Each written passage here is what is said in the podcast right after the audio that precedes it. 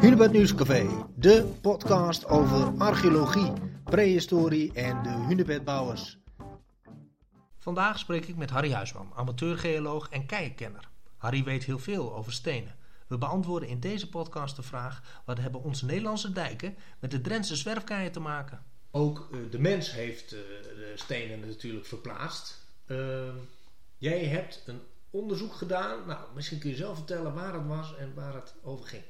Uh, ik, ik, heb een, een, een, op uitnodiging van de Alliantie Markenmeerdijken en uh, Archeologie West-Friesland ja. in Noord-Holland uh, de Markenmeerdijk onderzocht van Hoorn tot Amsterdam. 33 kilometer. Aha. En waarom? Mm. men gaat de Markenmeerdijk op een hele grootschalige manier aanpakken, want men is bang, de dijk is heel oud, is op delen verzakt, mm. men is bang voor overstromingen. En men wil Nederland gewoon veilig maken voor de komende paar duizend jaar. Ja. Dus de Mark en Meerdijk wordt op een grootschalige manier aangepakt. Gerenoveerd als het Die wordt ware gerenoveerd, totaal vernieuwd en, en, en op projecten ook onherkenbaar veranderd. Hm. Maar het moet. Ja. Het leuke is, uh, men heeft altijd al in Noord-Holland onder andere ook dijken gehad. En die dijken die werden gemaakt van klei of die werden gemaakt van, van, van zeegras wat aangestampt werd en bedekt werd met stenen. Ja. Uh, die werden aan de zeeweringkant uh, versterkt met een beschoeiing van palen, van boomstammen, mm-hmm. die men in de klei ramde. En op die manier had men dus van die palendijken. Ja. Die bestonden uit duizenden en duizenden boomstammen die mannetje aan mannetje in de bodem werden geramd, met elkaar ja. verbonden. En daarachter dus had je dus een dijklichaam van, van zeegras. Ja. En dat was dus eigenlijk zeg maar de dijk zoals men die op verschillende plaatsen uh, rond de voormalige Zuiderzee had. Mm-hmm. Ja. In 1732 en 33 uh, hebben we een, een aantasting gehad van een, een, een weekdier, uh, de paalworm. Ja, en die is in staat, ja, nou, die is in staat om houten palen uh, binnen een aantal jaren te veranderen in een soort gatenkaas. Ja. Hij maakt er gangen in en, en dat is ongelooflijk dat die, die enorme zware palen van eikenhout en vooral van, van, van sparrenhout, ja, die werden volkomen kapot gevreten. Ja. En bij de eerste de beste storm braken ze als luciferhoutjes boven de waterlijn af. En het is ook bekend dat bij bepaalde stormen er tientallen, zo niet honderden palen aanspoelden op het eiland Schotland. Afkomstig van Zo, de Zuiderzeedijk. Van onze dijk. Ja, Ja. ja. van hè, de voormalige uh, Zuiderzeedijk, wat nu de Mar Markenmeerdijk is. Ja. Dus men heeft in 1733 en de jaren daarna in allerijl uh, uh, uh, pogingen in de werk gesteld om die dijken te versterken. Maar hoe? Hout kon niet meer. Nee. En hoe moest je dat doen? Nou, men heeft een soort ja, wedstrijd. Maar goed, men heeft twee, uiteindelijk twee mensen uitgenodigd. Maar die hadden bepaalde ideeën over hoe je nou zo'n dijk moest maken. Ja. Uitgenodigd om bij Hoorn een proeftraject aan te leggen. En wat deden die? Die maakten dus een nieuwe dijk van klei. Mhm. En bekleden de zeekant van die dijk met steen. Ja. Met Noorse steen, zoals ze dat noemen. Oké. Maar die stenen moesten ergens vandaan komen. Ja. Nou, men wist dat Drenthe vergeven was van de stenen. Mhm. Dus er is een reguliere steenhandel ontstaan. Niet alleen in Drenthe, maar ook in Friesland. Waarbij dus de grote stenen, en dan spreek je over stenen van nou, vanaf 30 centimeter en meer. Ja. Die zijn bij miljoenen, echt met miljoenen, zijn ze dus opgegraven en verhandeld. Dat was een leven, levendige handel. Dat was een levendige handel, Ja. ja. En die handel had dus niks te maken met dat latere stenen delven, waarbij men stenen opgroef en die kapot te slaan voor verharding van, van zandwegen. Makkerdamwegen. Makkerdamwegen. Nee, dit waren gewoon keien. Die werden dus echt doelbewust gezocht en verzameld en naar verlaatplaatsen gebracht. En werden dan met van die, van die pramen, werden ze dan over water, over de Zuiderzee, Ja. rechtstreeks naar de Markenmeerdijk gebracht. En daar werden ze op vlotten overgeladen en standpeden verwerkt in het dijklichaam. Ja, ik eh, sprak eh, een paar maanden geleden met maritiem archeoloog uh, van Popta. En die zei dat ook met name gasten Nijveen een, een, een, een, ja, een, een steenhandel had met, met een haven. Ja, klopt. En, en die ging gewoon, dat voer rechtstreeks de Zuiderzee. eh, Ja, je had dus verbinding nodig met zee. En uh, Gasselt en Nijveen had verbinding met, uh, met de stads, of met de Hunze en met de, Ja. later met Stadskanaal. Dus die stenen gingen met een omweg, gingen ze dus over de Waddenzee uh, richting de zeedijken rond de Zuiderzee. Want daar was het probleem erg, erg nijpend. En zo zijn er dus, ja, ik kan zeggen, honderdduizenden stenen, Ja. zijn dus Drentse keien verwerkt in die, uh, in die. Ja, dus, dus halverwege die 18e eeuw uh, hebben ze dus het paalrotprobleem opgelost met uh, veelal Drentse zwerfkei. nu ziet men zich genoodzaakt om die dijken weer compleet te renoveren en riepen ze jouw hulp in. Ja, men wilde graag, want die, die, die dijk gaat helemaal op de kop en de stenen worden eruit gehaald. En men had er bepaalde ideeën van om die opnieuw te gebruiken. Maar omdat je te maken hebt met een historisch element, uh, uh, wilde men graag weten van, kun je iets over die stenen bekleding zeggen? Ja. Vallen daar bepaalde uh, ja, kenmerken uit te halen? Kun je misschien duiden waar ze vandaan komen? Ja. En we hebben een, met de directie van de Alliantie Markemeerdijken een, Mhm. een tochtje gemaakt bij Warder in Noord-Holland. Waarbij ik ja, heel gelukkig, een aantal trajecten tegenkwam die je kunt vertalen tot een scheepslading. Oké.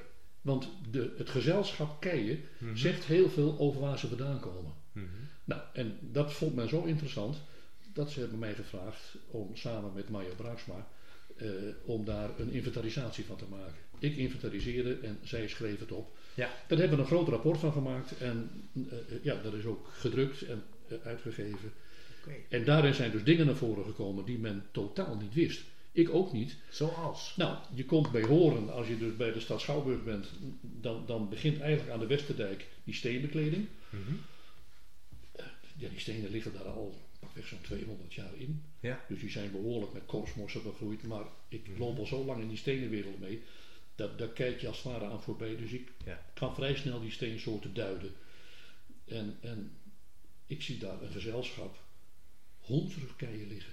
Stenen afkomstig van de hondrug. Waarom? Omdat je bepaalde gidsgesteenten tegenkomt Mhm. die in een verhouding daarvoor komen alsof je hier zeg maar eh, op de hondrug aan het zoeken bent. Ja. Nou, omdat je dat weet, omdat je die ervaring hebt, die kennis hebt, kun je dat duiden. En je zag op een gegeven moment verderop ook veel hondrugkeien liggen, maar daar zaten andere stenen tussen. Hm. En die hadden kenmerken waarvan ik denk, hé, hey, dat komt meer overeen met een herkomst westelijker van het Hondsruggebied. Hm. Dus richting Ellersveld, Schoonoord en, en Schoonlo die kant uit. Ja. Nou, één op één. Ja. Dat is fantastisch. En Ja. zo hebben we dus trajecten gehad. Want op een gegeven moment was het zo dat Drenthe niet meer kon voldoen aan de vraag. Er waren gewoon te weinig keien. Ja. Dus men heeft gewoon eh, eh, zijn toevlucht gezocht in Noord-Duitsland, maar vooral in Polen. Mhm. En niet alleen dat, men heeft ook stenen gehaald uit Zuid-Noorwegen, uit Zweden. Zelfs uit de buurt van Estland heeft men stenen meegenomen. Dat heb ik allemaal kunnen duiden. En het leuke is dat je dus trajecten tegenkomt. Vooral doordat die werkzaamheden zich in zo halverwege de 18e eeuw vorderden. Ja. Dat men dus gewoon scheepsladingen met gesteente uit Zuid-Noorwegen haalde. Dat, ik zie op een bepaald moment steensoorten. Ik denk, verhip. Dat is een steensoort dat komt uit de buurt van Egersund aan de kust in Zuid-Noorwegen. Want ik ben zelf ook regelmatig in Scandinavië geweest en heb stenen Ja, gezocht. ja. Ik weet er wel wat van. Hm. En ik zie daar op een gegeven moment, eh, eh, eh, wat ik op een bepaald moment maansteen noemde. Want het leuke is, het is een gesteente heel oud, Ja. wat je op verschillende plaatsen op aarde tegenkomt, maar ook in Zuid-Noorwegen, in een aantal massieven. En, en het ligt aan de kust, dus het vervoer van brokken van dat gesteente per schip was vrij makkelijk. Ja, ja. En waarom Ja. maangesteente? Als je dan naar de maan kijkt, als het helder is, Mhm. dan zie je dat donkere delen en lichtere delen. En die lichtere delen op de maan, dat zijn hooglanden. Hm. En die bestaan uit hetzelfde gesteente als in Zuid-Noorwegen. Want dat heeft men inmiddels Oké. wel ontdekt. Prachtig. En dat gesteente is anorthosiet. Dat bestaat helemaal uit veldspaat. Ook maar één mineraal, dus veldspaat. Ja. En dat zag ik op trajecten in, eh, in, in, in de Markenmeerdijk. Ja. En het leuke is, er waren delen bij waarbij die anorthosiet, dat maansteen, prachtig wit was. Oké. Maar meestal is het grijs en dan zit er een beetje een, een violette kleur, een roosachtige ja, kleurzweem overheen. Maar dat was wit. Hm. Nou, ik heb in die groeves gezocht, want dat komt daar lokaal voor. En op de kaart kun je reconstrueren hoe ze uit die groeves dat witte gesteente in grote brokken op karren naar de kust hebben vervoerd en daar op schepen hebben geladen en naar de Markenmeerbereik hebben gebracht. Want die schepen die werden gelost en dat werd niet in depot genomen. Die Mhm. keien werden ter plekke op vlotten geladen en die werden met zeg maar hijsinstallaties eh, in het dijklichaam verwerkt. Ja. Dus je kon op die manier kon je dus trajecten eh, lokaliseren van hé, hey, dat zijn gesteenten die komen daar vandaan. Ja. Hé, hey, dat zijn gesteenten die komen uit de Langesoenfjord bij Oslo. Of gesteenten uit de zuidwestkust van, van Zweden. Nou, dat heeft met elkaar geresulteerd in een, ja, in een, in een soort kennisboek. Ja. Waarbij ja, dat, dat, hè, dat monument, zoals dan de Markenmeerdijk wel was, Mhm. mooi vastgelegd is. Ja. Dus die documentatie is vastgelegd. En, en niet alleen dat, ik heb er allerlei verhalen omheen geschreven om de plekken te duiden, het gesteente te duiden, bijzonderheden over het vervoer te vertellen. Kortom, het is een compleet boek geworden. Tja, bijzonder. Zaten er dan ook even eh, van die enorme dekstenen in? Of waren het allemaal toch wel wat meer handzame keitjes? Als je hier in, de, in dat hondsruggebied naar Hunebedden kijkt, dan zie je hier en daar Hunebedstenen waar gaten in zitten. Ja. Die hebben ze geboord, want men heeft om aan grote stenen te komen ook Hunebedden geplunderd. Maar laten we eerlijk wezen, men had vroeger helemaal niks met Hunebedden. Dat, dat, dat, dat was van heidenen.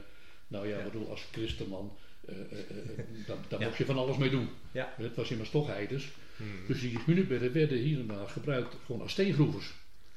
En Oké. een heel Met, mooi voorbeeld. Dynamiet en al. Ja. ja, ja, ja. Een heel mooi voorbeeld zie je dus in de Margaretenkerk in, in Odoorn, waar het koor uit, uit, uit bekapte hunebedkeien bestaat. Ja. En het sortiment stenen wat in het koor is verwerkt, komt overeen met stenen die je op de westhelling van de Hondsrug vindt. En dat moet uit de buurt van Odoorn zijn gekomen, Ja. want wat je dichtbij hebt haal je niet van ver. Nee. Dus dat is Nee. heel logisch. Ja. En, en ja, zo zijn er dus echt eh, ontzettende leuke dingen ontdekt hoor. Ja, prachtig. Dus de kans is vrij, ook, vrij aannemelijk dat er ook eh Drentse hunebedden eh, bijvoorbeeld in die Maken, eh, Makenmeerdijk... eh, We hebben eh, op ja. één plek, eh, eh, eh, dat heb ik ook zo genoemd, op één plek hebben we 13 grote steenblokken ontdekt van één grote kei. Hm. En eh, ja, dat is vermoedelijk toch een hunebed geweest. Want je Ja. ziet meer plekken waar gewoon hetzelfde gesteente, maar dan in losse brokken eh, eh, eh, is neergelegd. Met hier en daar van die boorgaten erin. Want daar heeft men buskruid in gedaan en laten ploffen. En ja, die brokken werden verhandeld. Dus er zijn heel wat hunebedkeien eh, kapot, zeg maar, die heeft men laten ontploffen. Ja, En de brokstukken zijn dus in de Markenmeerdijk verwerkt. prachtig. Dankjewel. Dit was alweer een podcast van het Hunebed Nieuwscafé. Meer weten? Kijk dan op hunebednieuwscafé.nl voor meer podcast en meer achtergrondartikelen. Heb je een vraag? Mail dan naar gkloekmaker.hunebedcentrum.nl Blijf op de hoogte en luister mee in het Hunebed Nieuwscafé.